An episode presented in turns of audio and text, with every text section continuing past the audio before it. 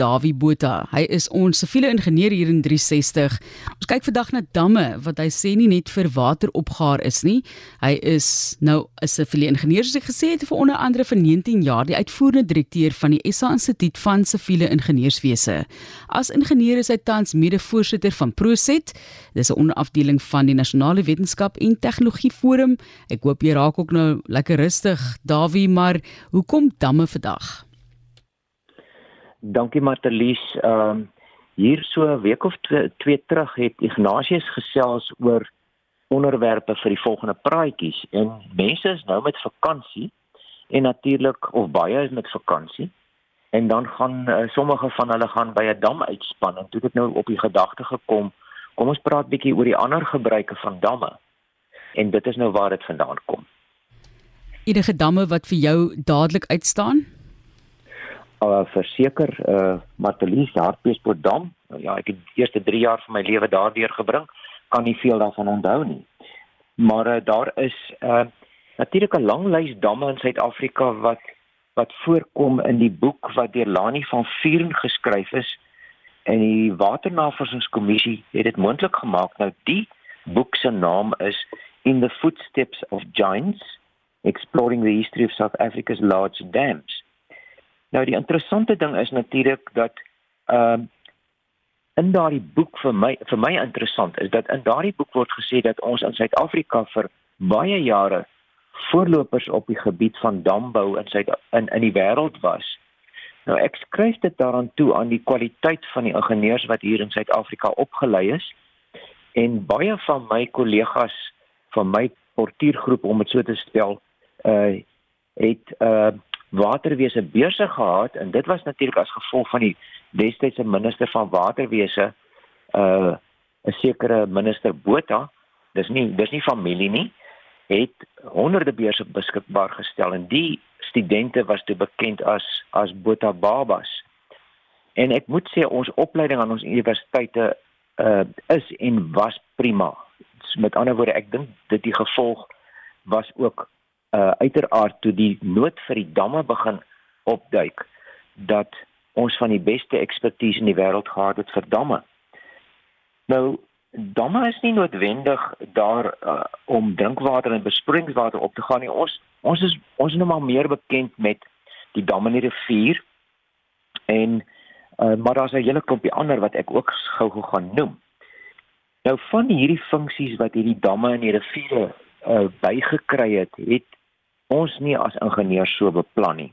Water is nou maar 'n aantreklike ding en eh, soos byvoorbeeld die Hartbeespoort dam, vroeg vroeg al gewild geword vir watersport so ski en bootry.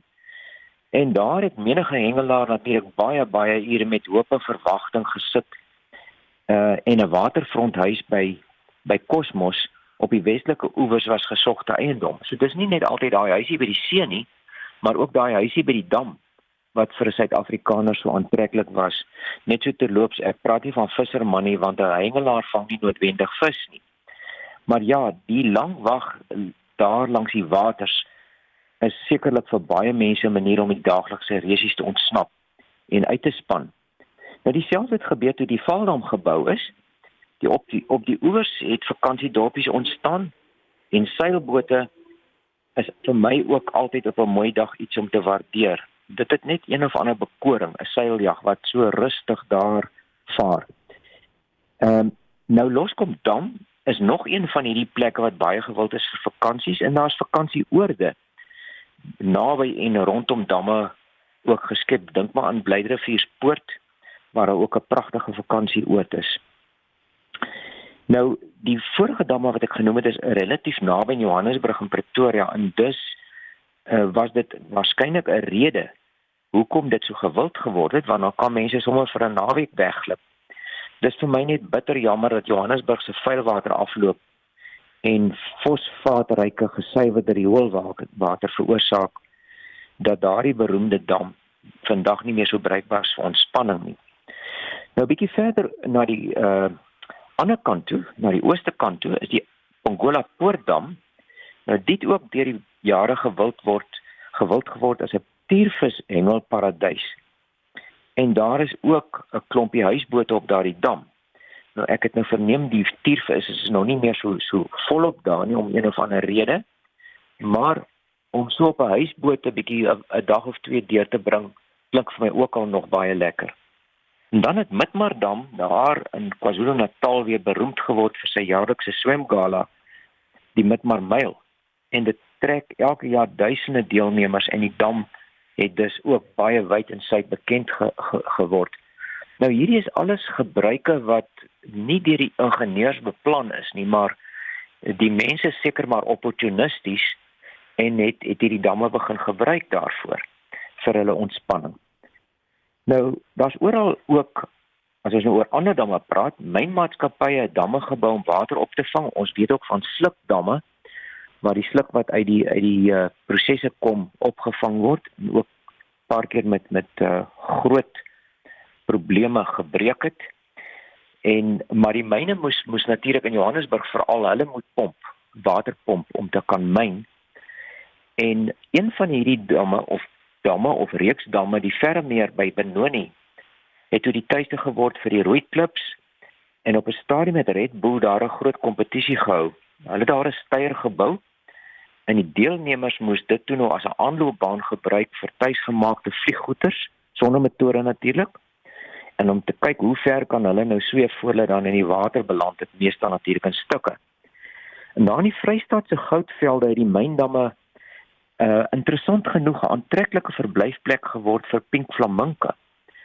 En ook die Kamfersdam noord van Kimberley is een van die grootste flamink swerms van Suid-Afrika, 'n pragtige gesig vanaf die N12 ho hoofpad. Ander interessante een is uh, Richards Bay toe ek daar was, is daar so, ek wil amper sê byna per ongeluk 'n dam gevorm toe die storting van van uh, uitgrawingsmateriaal van die uh, uh, hawe daar 'n dam of 'n wal gevorm het. Toe toe dam daar nou water op en toe het die voëls daardie dam baie gou raak gesien. Nou ek noem hulle net maar opportunistiese voëls en 'n groot aantal spesies het toe daar begin tuis maak. En die voëlkykers het natuurlik gevolg en daar word hierdie toevallige dam 'n absolute juweel vir vir voëllewe. Maar toe wil ons stadsbeplanners en ons ingenieurs by die munisipaliteit nywerheidserwe daar vestig en toe loop ons natuurlik vir ons vas in die natuurliefhebbers en ons argumente wat dat die stuk water maar net per ongeluk ontstaan het hou toe nie water nie nou wat nou gedoen dan ons het toe nou 'n sogenaamde nywerheidspark rondom die meertjie beplan met die idee dat dit 'n waterfront ontwikkeling kan wees so bietjie soos daardie groot winkelsentrum waterfront in die middel van Bloemfontein nog nog 'n gebruik van 'n dam wat eintlik miskien nie daar moes gewees het nie, maar aantreklik is en daar's toe 'n winkelsentrum rondom opgerig. Nou ek weet nie wat geword het van ons idee daar Richards Bay nie, maar in ons ingenieurstaal word dit beskou as 'n elegant elegante oplossing vir 'n moeilike uitdaging. So die die, die probleem het hom uh, voor voorgedoen en ons moes oplossings vind en siviele ingenieurs werk natuurlik saam met die natuur waar ons kan. Die Beervlei dam is weer 'n ander storie. En daardie dam is nie gebou om water vir besproeiing op te gaan nie. Hy is gebou uiteindelik om vloedbeheer toe te pas, want ons weet nou daardie groot riviere in die Ou Karoo is meestal droog, maar dan kom daar 'n groot storm en word die riviere bruisende male en modderblaai bestroom. Ek dink maar aan Lynsburg onder andere. Maar ten spyte van die wisselvalligheid van daardie uh, riviere, daardie boere tog begin landerye skep langs die groot rivier. Toe vra hulle die regering vir opgaardam. Maar dit was nie so aantreklik nie want die hoë minerale inhoud van die water die dag as die rivier afkom was nie goed vir die vir die landery en die verkalking of versouting het natuurlik plaasgevind. Nou ja, toe toe die dam gebou om vloede te beperk hier rondom 1953. Nou die interessante ander storie daar is dat 'n mens daai dam natuurlik dan nou moet leeghou of so mond leeg is moontlik want wie weet kom wanneer kom daai vloed. Nou ek onthou nog die stories waar mense vir ons gesê het nou kyk nou hoe dom is die ingenieurs en die regering natuurlik om 'n dam in 'n droë rivier te bou en die bewys dat ons so dom was is dat die dam byna altyd leeg was So mens moet miskien daar 'n bordjie opsit om die storie te vertel. Maar net laastens nog so iets oor die Rockview dam naby Grabouw. Dis 'n dam bo op die berg sonder 'n rivier wat dit voed. Nou dit is gebou om water uit die Palmietrivier op te gaar vir hidroelektriese kragsentrale aan die onderkant. Nou as die elektrisiteit volop is, ons hoop so, gewoonlik snags, dan werk die pompe en bedags word die stroom omgekeer en draai die water uit daai dam die turbines. Die laaste. Ek weet nie hoeveel mense het geweet die Steenbrasdam is eintlik 'n tweelingdam. 'n Hoër en 'n laer een. Die hoër een se wal is sommer binne in die laer dam en dan word die hoogte van die water daar gebruik om die Steenbras hidroelektriese stasie aan te dryf.